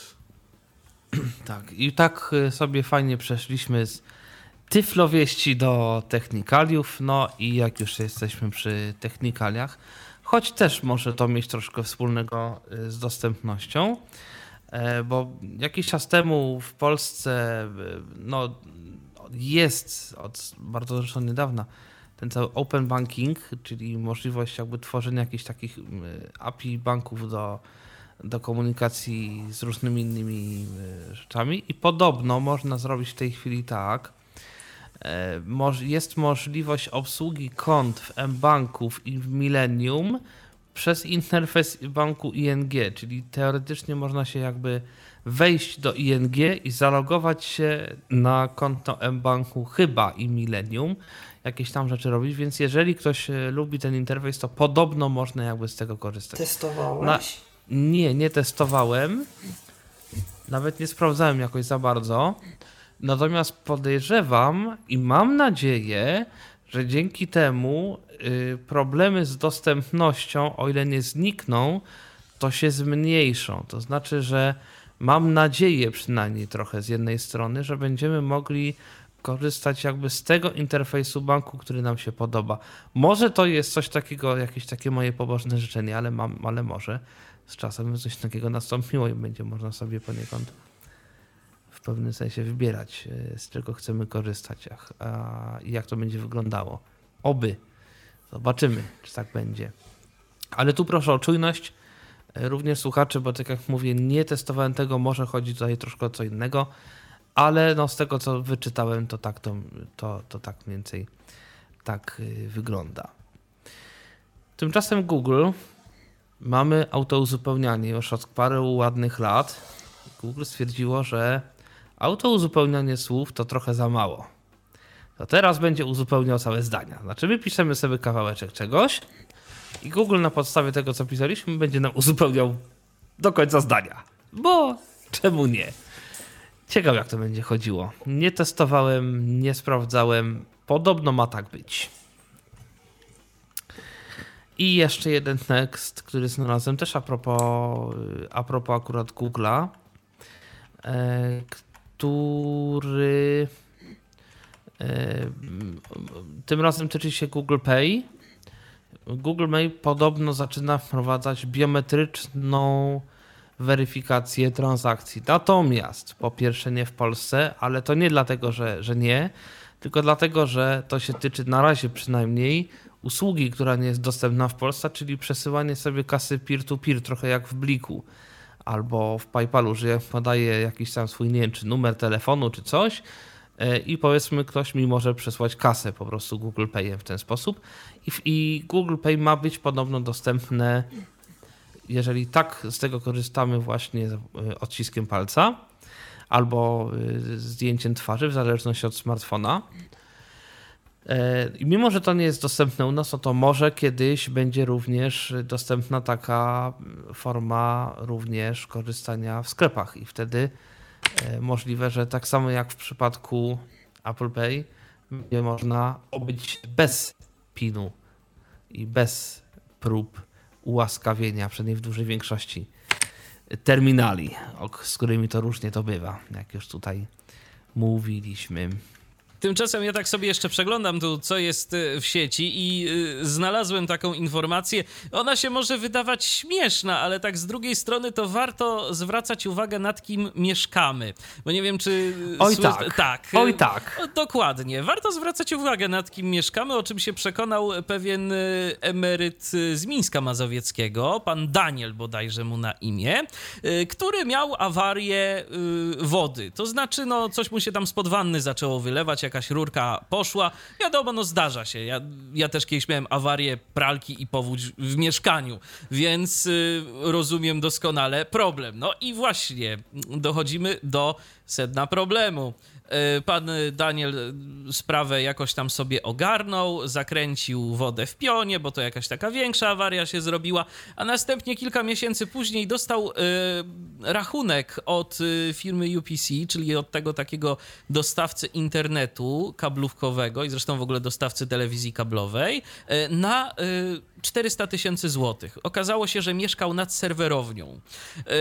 Także no, w tym momencie jakieś tam pewnie są są, są sprawy sądowe i tak dalej, i tak dalej. Natomiast no, warto zdawać sobie sprawę, nad kim mieszkamy yy, i, i co jest pod nami, bo potem może się to skończyć różnie. Ale jak gdzieś wyczytałem, znaczy ja przeleciałem nad tym newsem, ale coś było y, powiedziane, nie będziemy wyciągać konsekwencji wobec lokatora. Coś tam UPC gdzieś tam napisało, więc y, może... To znaczy, to znaczy tak, tylko że tam chyba... To w ogóle niebezpiecznik o tym pisze, więc y, warto sobie, warto sobie poczytać. Sprawą też zajął się Polsat, a chyba właściciel budy... A właściciel budynku, no właśnie, bo to w sumie wobec właściciela budynku powinni wyciągać konsekwencje. Okazało, się, tak, tak okazało się, że właściciel budynku nie żyje. Aha. Także tam w ogóle jakaś taka sprawa się zrobiła dość, dość ciekawa. No niemniej jednak taka, taka ciekawostka, yy, która no myślę, że warto, warto też mieć na uwadze. Miejmy nadzieję, że nikt nad serwerownią nie mieszka. Ale co to jest w ogóle za pomysł stawiania serwerowni w bloku? No. Dokładnie, no przecież no to jest dość oczywiste, że czasem zdarzają się problemy z wodą, więc no nie wiem, kto tam postawił serwerownię za pół miliona złotych. No ale różne rzeczy się zdarzają. E, problemy mogą mieć również użytkownicy e, Samsungów Galaxy S10, e, ponieważ te Samsungi mają jakiś problem z czytnikiem linii papilarnych. Podobno można go odblokowywać przez jakąś specjalną folię dowolnym palcem i tak dalej, i tak dalej. I kilka banków, jeszcze nie u nas, ale zablokowało możliwość korzystania z aplikacji swojej użytkownikom właśnie smartfonów Galaxy S10 Samsunga. Także, także taka, taka to ciekawostka. Jak ktoś ma Galaxy S10, no to na razie spokojnie, ale pytanie, czy i kiedy nasze banki się obudzą i sobie stwierdzą, że będzie problem. Chyba, że mamy słuchacza z zagranicy. To chyba gdzieś w Australii, nie wiem czy nie w Wielkiej Brytanii jakiś tam, ale nie pamiętam. Gdzieś tam za granicą w każdym razie jest problem. Tymczasem e, jeden z deweloperów dawnych, e, a czy nie wiem czy dawnych, czy jeszcze obecnych, pracuje teraz w, Fire, w Mozilla e, i pisze co jakiś czas na temat tego, co w tym Firefoxie się dzieje. Firefox 70, który już wyszedł, Swoją drogą ciekawe są te wersje 70.0. To po prostu brzmi jak jakiś kosmos, ale dobra. E, w każdym razie mm, ta wersja oprócz tego, że podobno jakoś tam dość mocno wchodzi w prywatność i tam ma jakieś ustawienia dotyczące prywatności dość zaawansowane, no podobno sporo narzędzi deweloperskich e, ma dostępnych, czy tam bardziej dostępnych niż wcześniej. Tu sobie chwilkę gadaliśmy o tym przed audycją, ale nie, ktoś to testował bardziej, czy to tylko tak wiadomo, że Będę jest. testował, bo mnie to bardzo zaciekawiło. O, Mikołaj tutaj przetestuje i może w przyszłym tygodniu coś powie. Natomiast w ogóle teraz jest jakaś y, taka moda na prywatność, bo Google też y, zaczyna działać y, w kwestii prywatności i można sobie włączyć, to jest y, jedna z tych takich funkcji testowych, to, to domyślnie nie jest aktywne, ale można y, sobie włączyć w tym about y, dwukropek flags, czy tam chrome dwukropek flags w tym adresie, można sobie włączyć na przykład powiadamianie o wyciekach naszych haseł, które mamy zapamiętane w przeglądarce. One są gdzieś tam w sposób zaszyfrowany, wysyłane do serwera Google i, i są porównywane z dostępnymi y, bazami, które zostały skądś tam wykradzione. Więc y, jesteśmy o tym informowani ponoć. Ja sobie to tak testowo włączyłem, bo nie mam tych najważniejszych haseł zapamiętanych, y, tylko te takie po, pomniejsze, więc jestem ciekaw, czy dostanę informację kiedyś o jakimś wycieku. Natomiast amerykański Senat wziął się za te wielkie platformy komunikacyjne i postanowił e, wymusić na tych platformach udostępnienie e, takich narzędzi do, hmm, do komunikacji z tymi platformami, ale o tym bardziej Mikołaj powie. Znaczy, to jest wszystko na razie z tego, co gdzieś tam udało mi się do tego dotrzeć na etapie bardzo wstępnych prac i na etapie chcielibyśmy, ale czy to się jeszcze zobaczy, yy, ale o co ma chodzić? Mm, chcą wprowadzić coś trochę podobnego do naszego RODO, ale trochę o, tak powiem, innym, innym zabarwieniu, bo oni tu nie chcą walczyć nawet z samymi naruszeniami danych. Chodzi o tak zwany login, czyli obecnie, jeżeli korzystamy powiedzmy z Facebooka, i nasi znajomi korzystają z Facebooka, to tak naprawdę mamy niestety przykrą konieczność komunikacji z nimi na Facebooku, bo nie możemy z powiedzmy Signala komunikować się z osobami korzystającymi z WhatsAppa i tak dalej, i tak dalej, i tak dalej. No i to jest problem, bo jeżeli nas, nie wiem, zablokują albo nie chcemy skorzystać z danego serwisu z jakiegoś powodu, to i tak jesteśmy zmuszeni i tak dalej, i tak dalej, i tak dalej.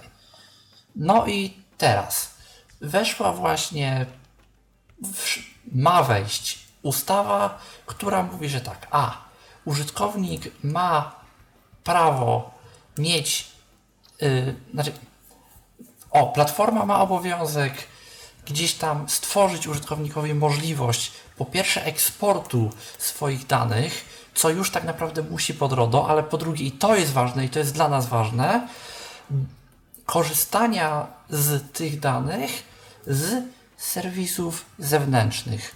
O co będzie chodzić? Mamy na przykład Facebooka i mamy na tym Facebooku jakieś osoby. I my będziemy w stanie wykorzystać tego Facebooka z jakiegoś zewnętrznego serwisu, czyli na przykład wrzucanie postów na przykład komunikacja z innymi i tak dalej, i tak dalej, i tak dalej, będziemy mogli zezwolić zewnętrznemu jakiemuś serwisowi, żeby przejął te funkcje i komunikował się jakby w naszym imieniu z Facebookiem. I oczywiście vice versa. Będziemy też mogli pozwolić Facebookowi, żeby w naszym imieniu y, komunikował się y, także z innymi serwisami. To ma się dotyczyć platform, które mają więcej niż ileś tam milionów użytkowników. W każdym razie wszystkie te największe Facebooki, nie Facebooki będą się pod to kwalifikować.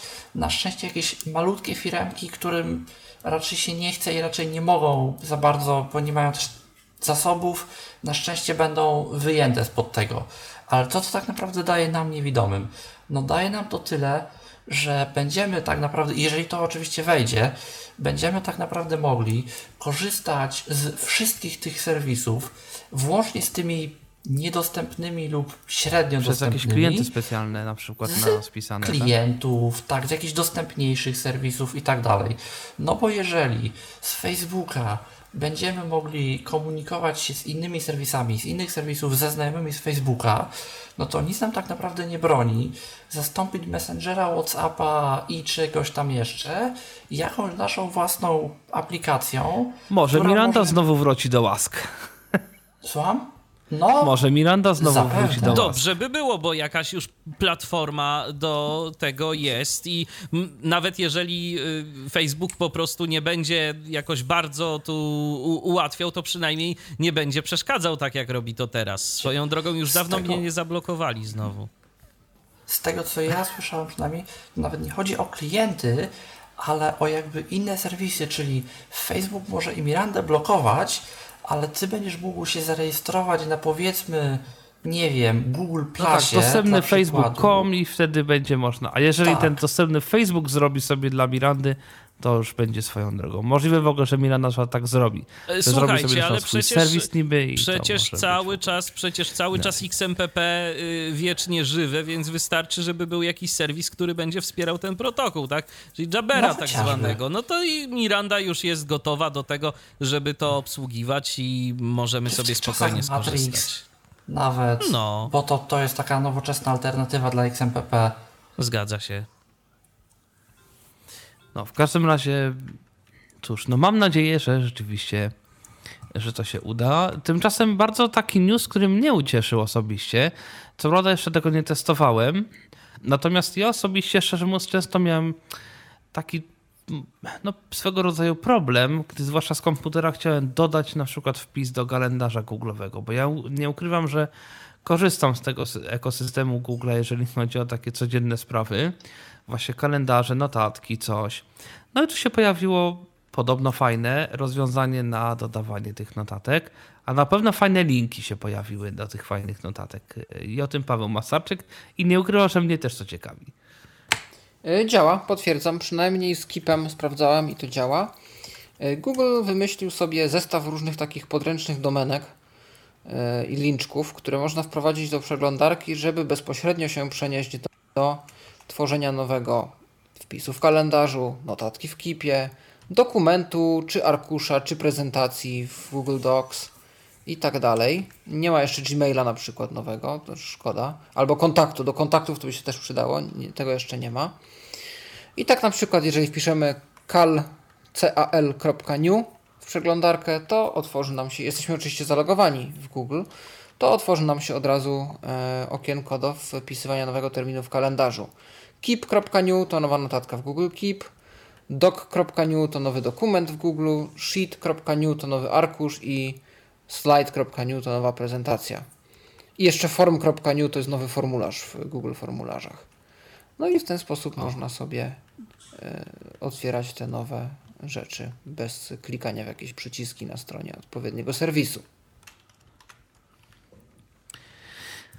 Y, Jeszcze a propos różnych Tak otwartych jeszcze, to, rzeczy. ta, to tak jeszcze, ja tylko Aha. jeszcze wejdę w słowo i powiem, że przynajmniej jak testowałem ostatnio, to niestety nadal y, wersja y, Keepa na iOS-a jest po prostu nieużywalna, a szkoda, bo, bo byłaby poręczna. Co tam nie działa? Y, Wiesz co, jak chcesz pisać jakąś y, notatkę, y, klikasz, y, stukasz dwa razy w to pole edycji, które ma przenieść kursor na koniec notatki. Jak chcesz coś dopisać, to rozwija ci się menu edycja i masz te wszystkie tam wytnij, wklej i tak dalej, i tak dalej. Ciekawości, pisałeś na Google Accessibility A, Support? już dawno. I? Nic. Aha.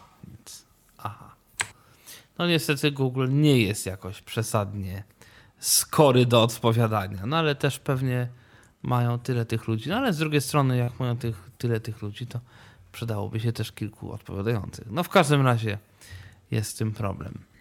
Natomiast a propos różnych otwartych rzeczy, no to jest otwarta baza stacji radiowych, która najpierw myślałem, że jest super, potem się okazało, że nie jest tak różowo. Radio Browser. I tutaj, o, ile tu ludzi na ten temat wie? Większość. To kto Poza mną zacznie? chyba.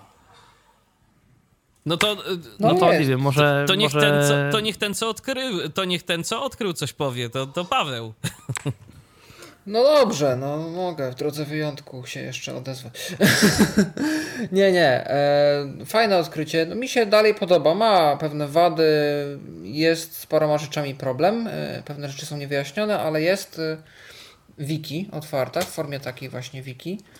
E, sta, baza stacji radiowych e, pod adresem radio myślnik browser. czyli browser.info i e, jest to fajna baza, bo można. Jest tych stacji przede wszystkim już, już dość dużo. Nie jest to jakaś baza TuneIn oczywiście, ale tych stacji jest około 25 400, tak widziałem na, na wczoraj. 25,5 tysiąca prawie. I są to zarówno stacje radiowe, jak i telewizyjne. E, Są różne opcje filtrowania. Możemy przeglądać według kraju, według języka, według nawet tagów takich potworzonych przez ludzi.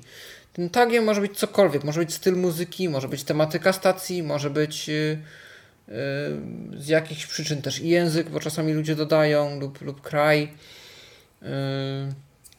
Mogą to być bitrate'y, bo czasem ludzie też tak dodają i najróżniejsze rzeczy tam mogą się dziać. Yy, Co ciekawe, możemy generować sobie do każdego z tych filtrów, łącznie z tym, że dla wszystkich stacji, yy, playlistę Playlisty, yy, tak. PLS lub M3U i zaczytać sobie wszystkie interesujące nas stacje według danego filtru do naszego ulubionego odtwarzacza. Możemy też wziąć link do pojedynczej stacji. Możemy też odtworzyć tę stację na stronie tejże bazy.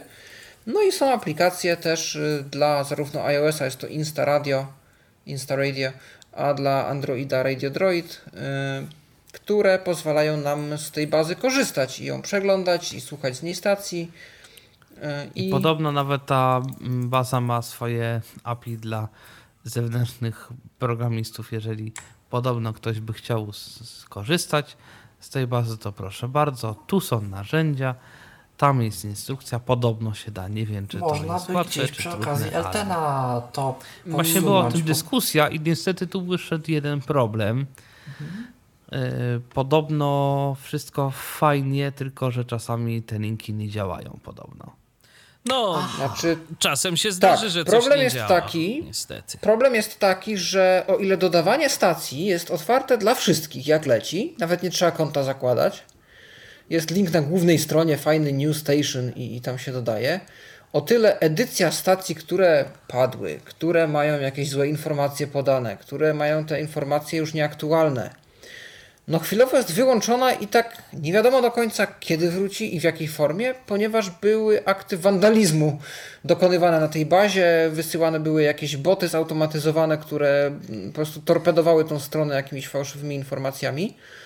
E, No i autor chwilowo jest w kropce i nie bardzo wpadł na pomysł, bo zakładanie kont mu się jakoś nie podoba, nie wiedzieć czemu, ponoć. E, Nie wpadł jeszcze na pomysł, jakby ten problem rozwiązać, żeby znowu przywrócić ludziom możliwość edycji. Co tam się dzieje? Jest puszczany automatyczny skrypt, który sprawdza 10 losowych stacji działających i chyba 10 czy 5 niedziałających, co chyba 10 czy 15 minut. I w momencie, kiedy jakiś stream jest wykryty, który działał, że, mm, że nie działa, to jest stacja przesuwana do zepsutych. W momencie, kiedy za jakiś czas znowu wstanie i go tam namierzy skrypt, to wraca. Najpierw są sprawdzane stacje, które długo nie były sprawdzane, a potem te, które były sprawdzane jakoś w miarę ostatnio. No i jeżeli przez dłużej niż miesiąc leży sobie link w zepsutych i skrypt go znowu namierzy, to taki link jest usuwany jako no prawdopodobnie już niedziałający. No nie jest to idealne, natomiast yy, że tak powiem, no chwilowo lepiej nie ma i nie wiadomo kiedy będzie. Inna sprawa, że yy, są tam różne linki, no ta strona nie wspiera wszystkich możliwych typów yy, streamów. Są streamy, które mają trochę dłuższy timeout, żeby się połączyć są y, streamy w jakichś dziwnych formatach, w jakichś HLS-ach pokombinowanych, jakieś telewizje, których strona po prostu nie otwiera. No i w tym momencie może być też tak, że są oznaczane te streamy jako uszkodzone. Że coś nam na przykład działa, tylko wymaga do tego innego oprogramowania, ale po prostu skrypt tego nie wykryje najzwyczajniej w świecie. Co do tego Insta Radio, o którym y, mówiłeś, Pawle, to y, ja sobie to, to potestowałem trochę. Całkiem sympatyczna aplikacja. Y, zdecydowanie mm, wygodnie się jej używa. Tam czasem coś nie zawsze chce zadziałać, tam trzeba coś chyba właśnie dwa razy z przytrzymaniem stuknąć w, na nazwę radia, żeby zaczęło działać. On tak czasem nie chce zaskoczyć, mam wrażenie, jakoś, jakoś na samym początku. Natomiast, y, no jak już zacznie działać, to już to po prostu działa. Y, ja polecam tym wszystkim, żeby się zainteresowali aplikacją, szczególnie, że jest darmowa, chyba że y, chcemy dodawać jakieś własne streamy. To jest opcja, mm, którą sobie można dokupić. To mm, polecam szczególnie tym, którzy słuchają na przykład na słuchawkach bluetoothowych, bo niestety, ale aplikacja TuneIn ma od jakiegoś czasu taki mało fajny błąd, który y, mnie osobiście bardzo drażni, y, polegający na tym, że po prostu nie da się regulować głośności z poziomu słuchawek czy głośnika. Możemy sobie wciskać głośniej, ciszej, głośniej, ciszej, nic to nie daje. Jedyna Y, jedyna metoda na regulację głośności, no to jest y, z poziomu iPhone'a y, regulacja. Ze słuchawek czy z głośnika po prostu nie działa. Też myślę, że bardzo zależy od urządzenia, bo ja na przykład posiadam takie, które ma tak naprawdę zewnętrzną kontrolę głośności. W sensie, że głośność urządzenia jest w ogóle niezależna jakby od niczego, ona sobie no po prostu jest. Całkiem możliwe, Mikołaju, natomiast no ja testowałem na y, ja testowałem na słuchawkach bluetoothowych i właśnie na głośniku na, na mhm. JBL-u, na Flip 4. Y, I ani tu, ani tu nie działa i też y, no, mam potwierdzone info. Oczywiście, jeżeli urządzenie samo w sobie ma niezależną głośność, bo przecież są takie głośniczki nawet przenośne JBL-a, które po prostu mają takie kółko do, do regulacji głośności, no to to nam na pewno zadziała. Natomiast w innym przypadku może być e, problem. A tymczasem mamy telefon, więc może odbierzmy. Halo? E, witam bardzo serdecznie. Patryk z tej strony. Witaj, Patryku. E, ja chciałem, ja chciałem powiedzieć o jednej rzeczy a propos, a propos poprawek dostępnościowych, a mianowicie o antywirusie Kasperski który to jest w wersji 2020 e, na chwilę obecną. I tenże antywirus Kasperski stał się bardziej dostępny e, dla czytników ekranu. To znaczy, że w ustawieniach są podlinkowane jakby te kategorie po, ustawień, po których chodzimy. I w Kasperskim jest coś takiego jak autoochrona antywirusa, czyli jeżeli na przykład chcemy dodać jakiś plik do wyjątków, albo na przykład chcemy coś odblokować e, z zapory, ze zapory Windows. Kiedyś Kasperski, jeżeli włączyliśmy NVDA, po prostu blokował tą autoochronę, bo ta autoochrona się pokazuje na tak zwanym ekranie bezpiecznego pulpitu, czyli tak, takiego ekranu, który jest y, w Windowsie, w którym jest UAC.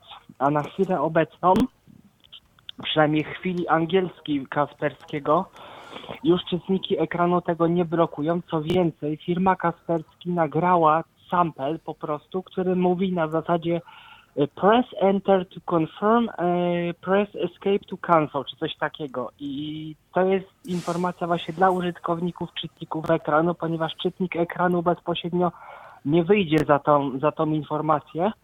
Natomiast ten sample jest nagrany i rzeczywiście jakby I, I rzeczywiście to działa. Nawet w polskiej wersji można nacisnąć po prostu ten Enter, jak się pojawi ta autoochrona Kasperskiego i jakby już jest to robione. Także Kasperski, firma Kasperski robi coś, żeby tę Natomiast Patryku, to poprawić. ja mam pytanie w takim razie. Czy y, oprócz przechodzenia po kategoriach, to czy ustawienia tych kategorii można zmieniać? Czy to jest dostępne? Tak, Aha, znaczy to nawet już było dostępne wcześniej, muszę powiedzieć. okej. Y, wiadomo, że są rzeczy, gdzie na przykład musimy mm, sprawdzić coś nawigacją obiektową, ale da się. Mhm. Ja korzystam z Kasperskiego i się da.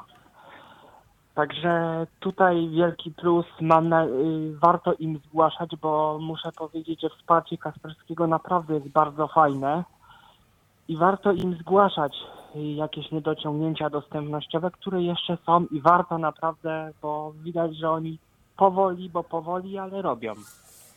No to super. Ja już dwa lata zgłaszam i są efekty. Małe, bo małe, Ale ale są. są, i cieszą. Okej. A jeszcze chciałem się zapytać a propos właśnie iOS-a, yy, bo tutaj było mówione o iOSie 13. Ja mam taki błąd, nie wiem czy wy go też macie, jeżeli chodzi o powiadomienia. Jesteśmy sobie na przykład w jakiejś aplikacji, nie wiem, na przykład quizwanie czy jakiejś tam innej i przyjdzie nam powiadomienie w momencie, kiedy mamy ekran zablokowany, jesteśmy w apce. I w tym momencie dzieje się coś takiego, że u mnie ten banner z tym powiadomieniem u góry sobie siedzi ten banner i nie znika. Tak. On zniknie do momentu, aż my wyjdziemy z tej aplikacji na ekran główny, albo jeżeli przeciągniemy palcem i tam damy na tym powiadomieniu usuń, czy coś takiego. Wiadomo, na YouTubie się to nie dzieje, ale na przykład w jakichś aplikacjach typu, nie wiem, wiadomości, nie wiem, notatki, to to się dzieje. I czy wam się też tak dzieje, że Tak. się ja pojawia mogę powiadomienie, ono nie znika? Co z drugiej Słucham? strony nie jest takie głupie, bo jeżeli na przykład czytamy jakiś dłuższy tekst albo coś i po prostu to powiadomienie nam dopiero zostanie przeczytane po jakimś dłuższym czasie, to ono by znikło. A tak to ono nie zniknie i mam jeszcze szansę w nie kliknąć. Znaczy ja bym wolał, żeby ono jednak znikało, bo czasami jest po prostu taka sytuacja, że ja chcę na przykład przejść do góry na pasek adresu, bo jestem w Safari i irytuje mnie to, A tu masz to powiadomienie. Mhm. adresu, to kliknę w powiadomienie, którego ja nie chcę kliknąć, bo na przykład, nie wiem, pojawi się z Facebooka czy z czegoś, ja akurat nie chcę w tym momencie, więc No może jasne. tak wolałbym, żeby znikało. No, także jest błąd, potwierdzacie go, tak? Ja potwierdzam. Mikołaj, Mikołaj potwierdza, jak słyszysz, ja y, powiem szczerze, parę razy też się na to natknąłem, natomiast no, dla mnie nie było to y, jakoś tak bardzo irytujące, więc na to aż tak nie zwracałem uwagi, ale istotnie coś jest na rzeczy.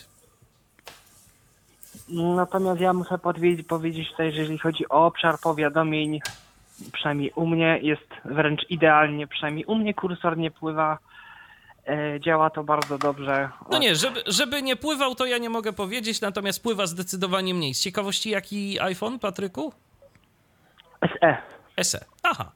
No bo to też warto wiedzieć, bo różne telefony mogą się różnie zachowywać. Dziś na przykład na y, grupie dostępne Apple, zdaje się, widziałem wątek, w którym kilka osób narzekało, że ojej, jaka to ta aktualizacja iOS 13.2 zła, niedobra i w ogóle B, fuj, y, co tam się działo. No i widocznie na niektórych telefonach po prostu tam się jakieś niedobre rzeczy dzieją. No. Czasami ja nawet powiem więcej. Ja mam znajomego, który ma na przykład, e, który miał iPhone, ma iPhone'a SE i jak ja się z nim widziałem na realu, miał, mieliśmy tego samego iOS-a, a on miał zupełnie takie błędy. Ja mówię se człowieku, o czym ty do mnie mówisz? A ja tych błędów nie miałem, mimo że ten sam iPhone. no proszę. Także tak się też dzieje. Ciekawostka. No dobrze, Patryku, to dzięki za telefon w takim razie. Dziękuję również, pozdrawiam i życzę mi prowadzenia. No, pewnie będziemy kończyć już niebawem. Myślę, że Nie powiem czas tak, by, ale czas by był w ogóle, żeby Apple wprowadził kolejną wersję iOS-a skupioną typowo na poprawianiu błędów, bo one raz na jakiś czas takie wychodzą. I myślę, że kolejna właśnie, właśnie taką powinna być, bo, bo to jest naprawdę to, co się teraz dzieje, nie jest fajne. To się zgadza. Y, Natomiast tutaj nasz kolega redakcyjny Robert bardzo skromniutko umieścił swoje, e, swoje zapiski w naszych redakcyjnych notatkach e, gdzieś tam na dole. I ja dopiero do nich teraz dotarłem, a ich tutaj e, kilka. A propos na przykład wyłą- wyłączania opisów obrazków dość mocno uproszczonego w Chromie. Tak, dlatego że w tej chwili jest to dostępne zwyczajnie z menu kontekstowego. Nie trzeba wchodzić w dostępność, ustawianie, nie wchodzić w żadne flagsy, inne takie. Tak. Zwyczajnie z menu kontekstowego z dostępność mo możemy to spokojnie włączyć i wyłączyć. I to jest naprawdę maksymalnie uproszczone. I, I tyle na ten temat akurat. Akurat na ten temat. I myślę, że to jest dobra opcja, bo naprawdę można sobie spokojnie tym regulować. Po prostu bez Tak, ale to na szczęście jakiś czas było. Ale masz jeszcze kilka złych wiadomości a propos ha, automatów dotykowych różnego rodzaju. E. Tak, mam, mam parę złych wiadomości. Mm, Teraz mogę powiedzieć, że będą całkiem. Znaczy, po pierwsze, mm, bankomaty y, i to no, mogę powiedzieć y, banku PKO SA, bo ja w przeciwieństwie do Was poszedłem dzisiaj w teren i, i jakie było moje troszkę nie, nie, niezadowolenie, gdy zobaczyłem bankomat y, tegoż banku e, w głównym oddziale w moim mieście, który jest totalnie dotykowy, który nie ma ani klawiatury tej na dole, ani tej klawiatury na górze. Mm, I nawet poszedłem do oddziału się zapytać, e, e, dlaczego tak jest, na co odpowiedziano mi, że teraz będą głównie takie bankomaty, one są wygodniejsze w eksploatacji i mniej się psują.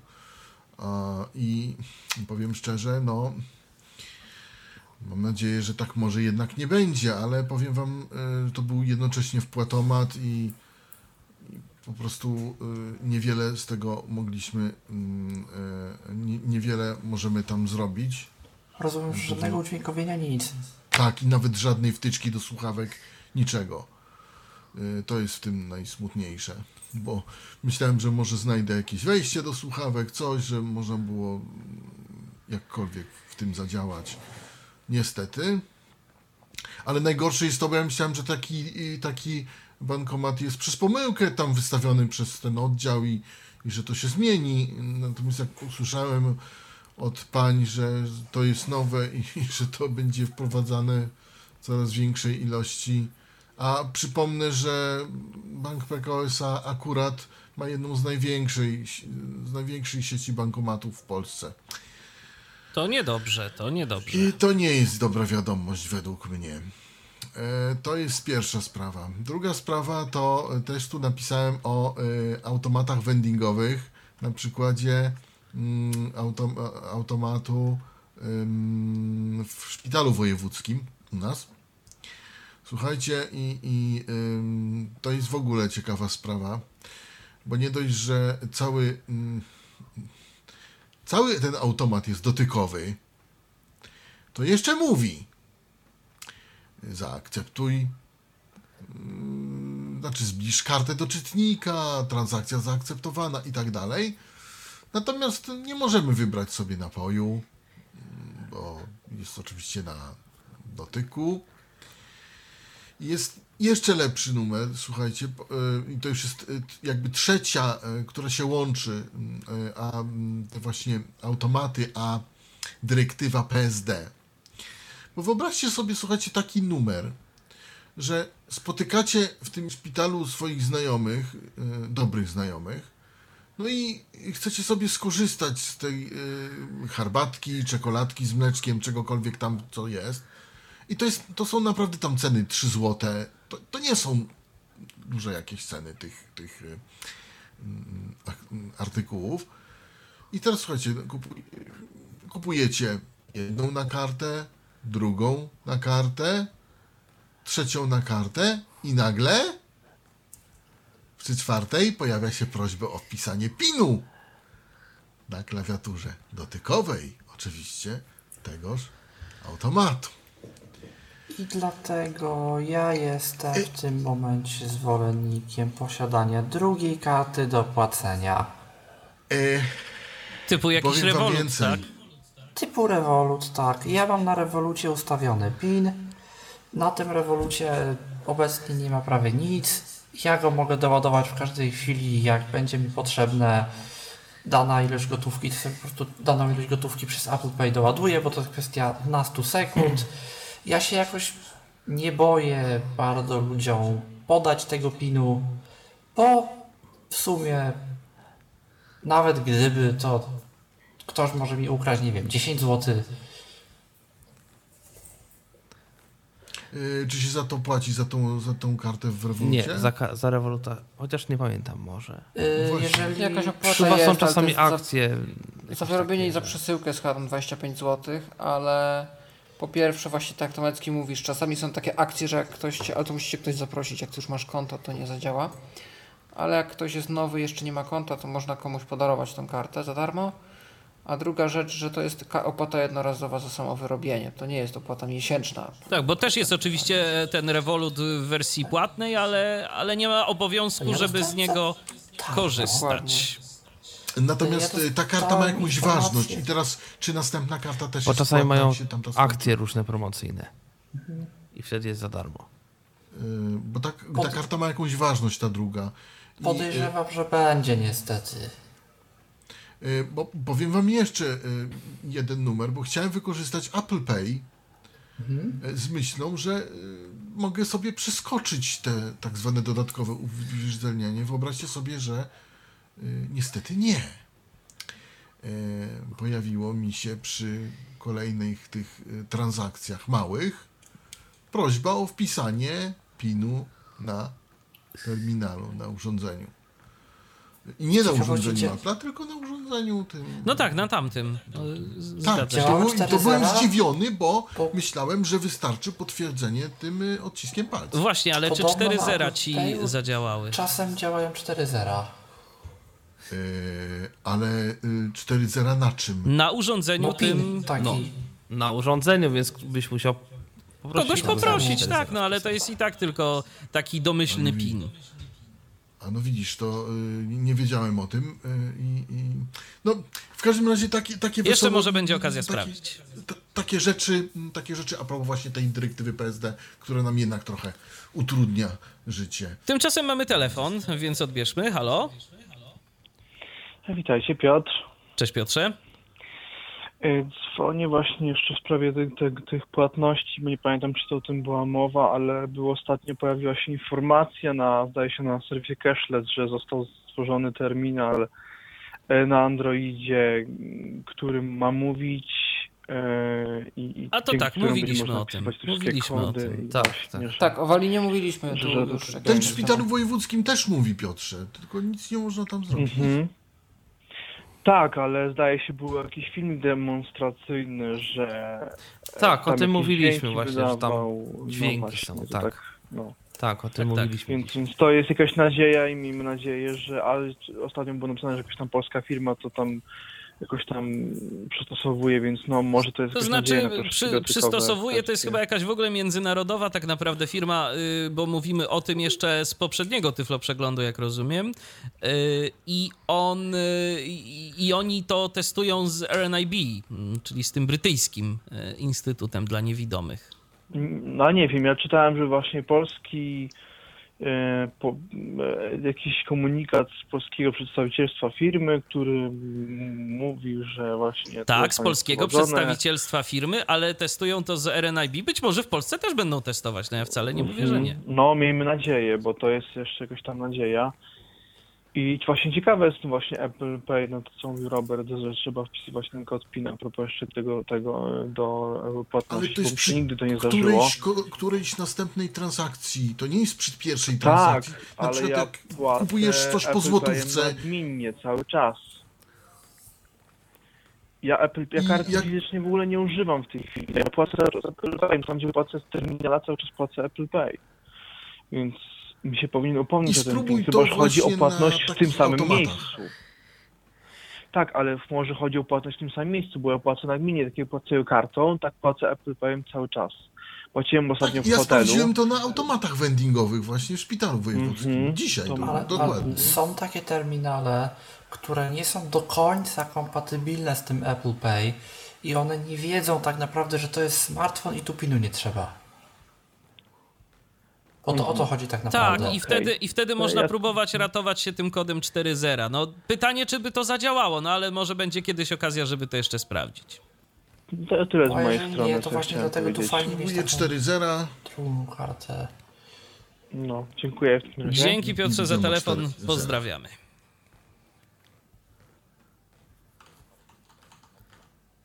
I cóż dalej? I, I czy mamy jeszcze następne I wiadomości? cóż dalej? Chyba tyle.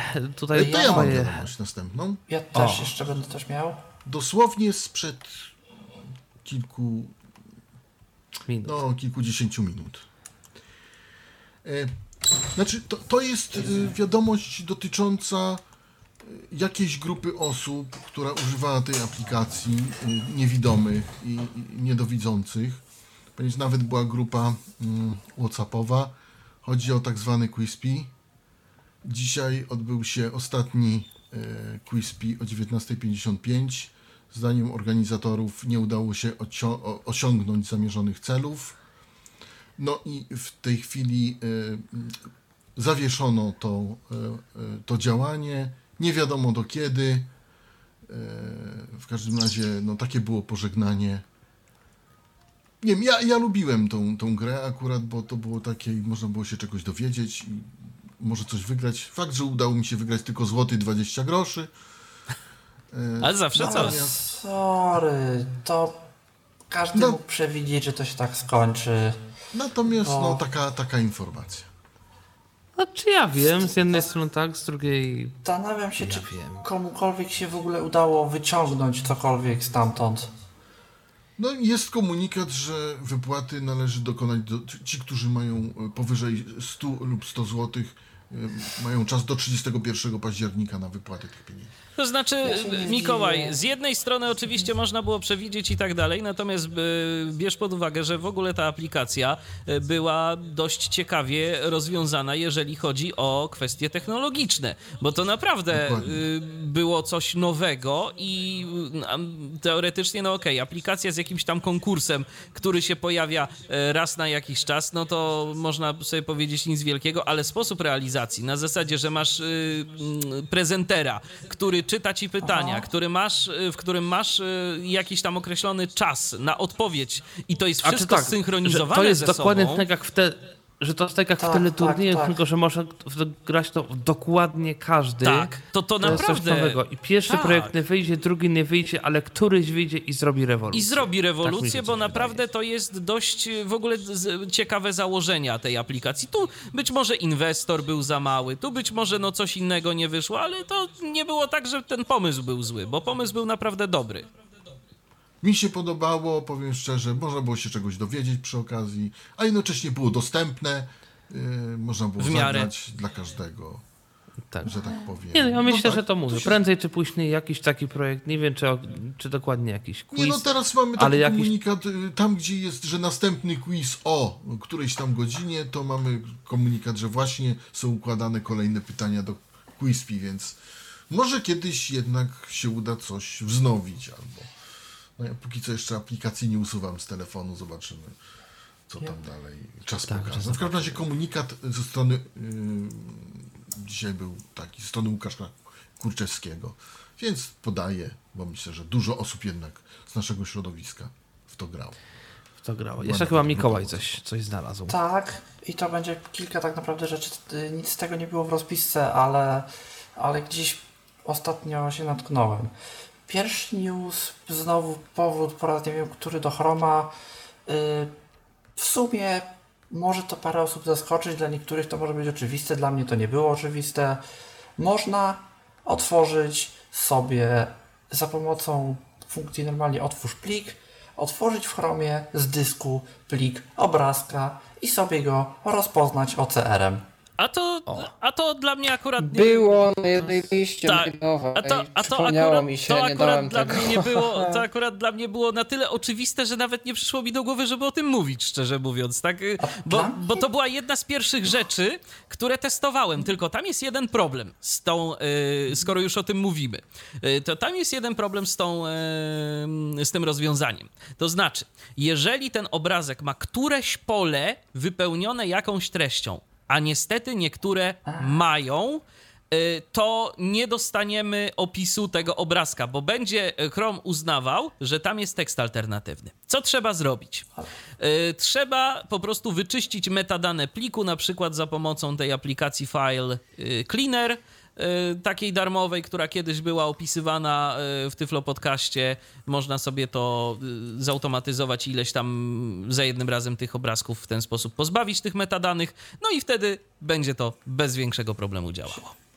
W ogóle ja może trochę też kontrowersyjnego teraz powiem, ale tak naprawdę bardzo się zastanawiam, czy ma w tych czasach sens dawanie obrazkom opisów alternatywnych, jeżeli te opisy alternatywne mają być typu screenshot albo zdjęcie tekstu. Ale Mikołaj, w takiej, sytuacji, w takiej sytuacji to rzeczywiście, tak, natomiast natomiast w ogóle niestety... teksty alternatywne to są jak najbardziej potrzebne, bo teksty no, alternatywne, wiadomo. na których jest grafika. Natomiast y mało kto to oczywiście. To powinno być Natomiast ja się w ogóle Bardzo spotkałem na przykład widzę. na jednej ze stron i to było w ogóle ciekawie i wydaje mi się, że czasami CMS-y same sobie nadają tekst alternatywny.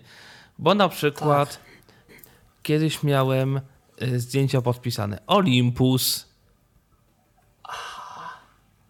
na jakiejś stronie. Także I, prawdopodob I prawdopodobnie, Tomku, y, to było brane właśnie z któregoś z tych y, meta pól plików. Pewnie tak. Bo, bo ja e. kilka takich zdjęć też widziałem, e, nawet u siebie gdzieś na dysku i, i później przeglądając jego metadane, to, to, to tego typu właśnie informacje dostawałem. Także całkiem możliwe, że A to swoją drogą powiem wam, że skoro to, to włączanie i wyłączanie w tej funkcji jest tak proste w tej chwili, to powinno być na zasadzie, że pobierz zawsze ten opis jak będę Albo... chciał sobie przeczytać opis alternatywny, to mogę zawsze wyłączyć. Albo w menu kontekstowe na Dokładnie. każdym obrazku po prostu pobierz. Tego konkretnego obrazka na tak. hama, nieważne, że jest alt. Tak, ja bym też bardzo tak, chciał. ja bym też bardzo chciał y, mieć możliwość wymuszenia y, tego, bo naprawdę, może nie, żeby to było zawsze, ale po prostu wymuszenia. Okej, okay, tu jest jakiś alt, ale ja chcę zobaczyć mimo wszystko, co jest na tym obrazku, bo pomysłowych webmasterów, którzy dają teksty alternatywne, jakiekolwiek bądź, bo się walidator HTML-a pluje, albo po prostu y, pozycjonowanie to y, zwiększa gdzieś tam, nadawanie tekstów alternatywnych obrazkom. Y, najlepiej jeszcze koresponduje korespondujących e, z treścią strony i dlatego niektóre alty są takie, jakie są, e, no to, to cóż, to, to jest zupełnie inna bajka. Znaczy się, ja na przykład ostatnio czytałem artykuł techniczny i było parę poleceń wydawanych w konsoli i były, było podane jakby co, co powinno się ukazać na wyjściu. No i były obrazki. I alt tych obrazków to było wyjście konsoli po wpisaniu polecenia takiego, takiego i takiego. No, okej, okay, fajnie. Tylko ja bym chciał wiedzieć, co tam. Co tam jest na tym jest. wyjściu? Tak. I gdyby tego alta wcale nie było, to mi by Chrome tak naprawdę przeczytał. Tak naprawdę człowiek na innej przeglądarce by wielce nie stracił, bo co mu to da, że on wie, że tam jest obrazek z wyjściem konsoli i tak dalej, a człowiek na Chromie by się faktycznie mógł doczytać, co tam jest. Tak, dlatego nadawanie tekstów alternatywnych, dobrych tekstów alternatywnych jest swego rodzaju sztuką. Nie jest proste. Tak. Jest sztuką. To umie, to umie BBC. Jeżeli ktoś chce dobry przykład, jak nadawać sensowne teksty alternatywne, bbc.co.uk i tam praktycznie pod każdym artykułem jest zdjęcie i to jest tekst alternatywny najczęściej w jednym zdaniu, ale on jest taki, że on dokładnie opisuje to, co tam ma, to co nawet, nawet nie tyle, nawet nie tyle to, co jest na zdjęciu, ale to, co jest na zdjęciu i jest ważne w kontekście tego artykułu. Tak. Czyli nie wiem, Leo Messi na gali odebranie nagrody takiej, takiej, takiej, kropka. Więcej nie trzeba, jeżeli artykuł jest o tym, że otrzymał nagrodę na tej na tej gali. Swoją drogą, słuchajcie, to tak a propos tekstów alternatywnych, to wam podam taki, taką ciekawostkę, jak bardzo mm, obrazy obecnie mm, królują. Ostatnio na jednej z grup y, facebookowych widziałem po prostu jakiś y, treść jakiegoś maila, którą ktoś, ktoś wkleił w jakiejś tam sprawie Już teraz nieważne jakiej. E, no i treść była po prostu na zasadzie kopiuj wklej. I teraz jeden z komentarzy. A można poprosić screenshot? Tłumaczenie, tłumaczenie tego było takie, że ktoś chciał sprawdzić, czy rzeczywiście taki mail przyszedł. No, cóż, także No w tym momencie screeny, jak widać, y, stanowią potwierdzenie wiarygodności, co jest oczywiście bzdurą, Ja bo tak naprawdę można wszystko zretuszować. Oczywiście. Ja kiedyś widziałem maila, też właśnie y, metodą kopiuj wklej, którymś ze starszych JOSów. I tam były rzeczy typu lista z iloma tam elementami. Tak, bo Joss kiedyś to tak kopiował. Owszem. Bo, tak, bo JOS kopiował wszystko. To nie była NVDA, która to jakby oznajmia tylko jako atrybut, tylko w JOSie koniec listy to był tekst koniec listy, taki, że sobie po nim można było strzałkami jeździć. I to było dokładnie kopiowane. Tabela z dwa kolumn i osiem wierszy i tak dalej, i tak dalej, i tak dalej. Nieźle. Fajne. To może, żeby tak y, nie kończyć jakoś pesymistycznie tej audycji, no mam dwa ogłoszenia o tym, co będzie w przyszłym tygodniu, bo tutaj e, Kasia, której nie ma, myślałem, że jakoś tutaj dotrze do audycji, ale się nie udało. Ale wiem, że ma zegarek na Androidzie dostępny dla niewidomych. No i Kasia też była na Recha for the Blind w tym roku, y, jakby z ramienia troszeczkę cyfropodcastów w pewnym sensie. I też może opowiedzieć, co się tam działo.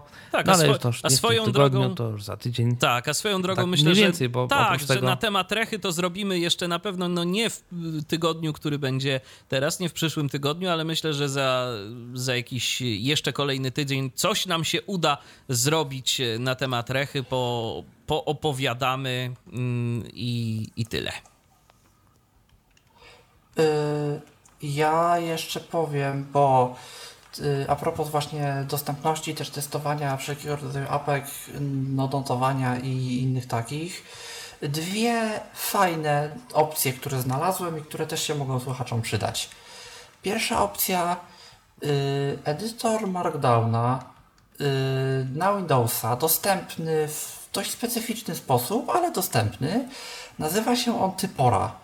Można Fajny, wpisać, fajny, bawiłem się, bawiłem się, testowałem przez chwilę. Jedyne co, to jakoś nie mogę go zmusić, żeby zapamiętał y, sprawdzanie pisowni w języku polskim y, i żeby Y. podkreślał te błędy, tak y, na A ja stałe. go, ja go nie mogę zmusić, żeby dobrze i dostępnie czytał niestety listy zadań, bo tam są te, te li- listy rzeczy do zrobienia.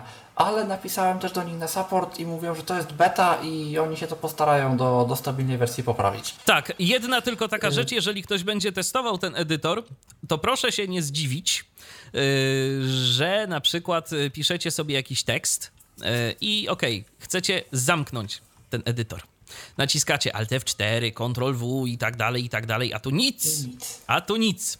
Trzeba tu włączyć y, tryb przeglądania i tam na dole w tym oknie kliknąć Enterem w takie takie, takie coś, taki jakiś element, który tam się pojawi. On będzie chyba jakoś podpisany nawet jako dialog czy coś.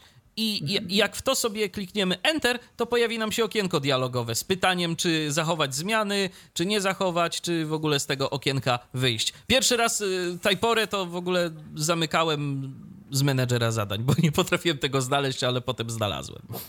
To jest ten słynny Elektron, Tak. który jest fajny, jest dostępny. To wygląda jak strona internetowa, bo to wygląda jak strona internetowa. Nie ma się co tu łudzić, ale on ma takie swoje. Tak, to jest całkiem, to jest Kurde, całkiem no fajne narzędzie. Można sobie na przykład markdownem napisać jakiś dokument, a następnie wyeksportować go sobie y, chociażby do Worda, tak jak mamy Pandota, y, Pandoka zainstalowanego. I druga rzecz, którą się gdzieś tam bawiłem, która wygląda na nawet całkiem dostępną i która przeznaczona jest tu zdecydowanie nieco bardziej dla użytkowników obytych. Nie chcę powiedzieć programistów, bo, bo niekoniecznie, bo, bo tego się da nauczyć, ale dla użytkowników których jednak niestraszne są wszelkiego rodzaju skrypty, pisanie i bawienie się w różne dziwne rzeczy. Strona nazywa się TiddlyWiki. TiddlyWiki. Jest to, no, wiki stworzone dla głównie użytku osobistego. Jakie jest założenie projektu? Mamy tak zwane tidlery, czyli jakieś kawałki takie nasze wiedzy, że tak powiem. To mogą być artykuliki, jakieś zakładeczki, jakieś rzeczy typu jutro kup jajka albo cokolwiek tego typu, raczej krótsze niż dłuższe. Możemy sobie otwierać jedne pod drugim, jakby je na stronie. No i mamy wszystko, co ma wiki, typu możemy sobie kliknąć w link, tylko to i to jest właśnie to, jeżeli klikniemy tam w link, to nie przekieruje nas nawet do strony, tak jak to robi każde inne wiki, tylko on nam jakby pod spodem na tej samej stronie otworzy jakby drugi, drugi taki element, drugi taki obiekt. To jest po prostu po nagłówkach ileś takich obiektów my sobie możemy osobno otwierać, zamykać, klikać, ale to jest wszystko tak naprawdę jedna wielka strona. Yy, ale co tu jest fajnego i, i gdzie użytkownicy trochę bardziej techniczni mogą naprawdę dużo zyskać? To jest taki trochę, zaryzykowałbym twierdzenie, Excel do tekstu. Bo możemy sobie na przykład w takim właśnie naszym małym Tidlerze dać polecenie, żeby wyświetlił nam listę wszystkich naszych takich właśnie artykulików, które mają oznaczone tag, czyli taką jakby kategorię zadanie i jednocześnie nie mają oznaczone zrobione. I Czyli to możemy jest taki sobie no, w ten tylko, znaczy taki notes, tylko bardziej zaawansowany. Tylko taki na Tak. sterydach. I my możemy sami sobie bardzo łatwo ustawiać co, gdzie i jak chcemy widzieć. I, i tak jak w Excelu sobie po prostu wybierać konkretne dane, które my Ale chcemy tworzymy zobaczyć. jakieś konto, czy to wszystko jest publiczne? Jak to, co to jest? To jest śmieszne, bo on potrafi tak naprawdę wyeksportować się do HTML-a, który nam się potrafi zapisać jako, w sensie pobrać po prostu. I potem potrafi się znowu zapisać i tak dalej, i tak dalej, i tak dalej. I też są wszelkiego rodzaju apki do tego na platformy, na smartfony, na desktopa. I Jest na przykład strona, gdzie się normalnie logujemy i sobie to możemy w chmurze zapisywać. Jest taka, gdzie to możemy publicznie Czyli jakieś zapisywać. konto jest. Y, nieoficjalne. To oficjalne jest jakby tylko aplikacja, a to jakie my sobie tam pluginy dodamy i gdzie my to będziemy zapisywać i jaką sobie chmurę do tego podepniemy, to jest bardziej nasza sprawa. Aha, w ten sposób to wygląda. Okej. Bo oficjalnie to się chyba właśnie chce zapisywać do, do XHTML-i i po prostu edytujemy pobierz i pobieramy sobie jakby tą zedytowaną wersję, ale nieoficjalnie, znaczy oficjalnie jest wsparcie dla, właśnie dla wtyczek i wtyczki są po to, żeby społeczność mogła sobie wynaleźć własne jakieś rozwiązania do. Więc jeżeli ktoś chce się pobawić i szuka takich aplikacji, to warto, warto zwrócić na to uwagę. No ciekawe. No to teraz już chyba faktycznie y, zakończymy audycję. Zaczęliśmy w składzie mniejszym niż kończymy, ale to jest u nas akurat standard. Dziesiątą audycję kończymy w pięć osób. Y, Na audycji Mikołaj Hołysz, Michał Dziwisz, Dziękuję. Paweł Masarczyk, Robert Łabęcki i ja, czyli Dziękuję. Tomek Bilecki. No i cóż, zapraszam na audycję 11 y, za tydzień, miejmy nadzieję. Był to Tyflo Podcast. Pierwszy polski podcast dla niewidomych i słabowidzących. Program współfinansowany ze środków Państwowego Funduszu Rehabilitacji Osób Niepełnosprawnych.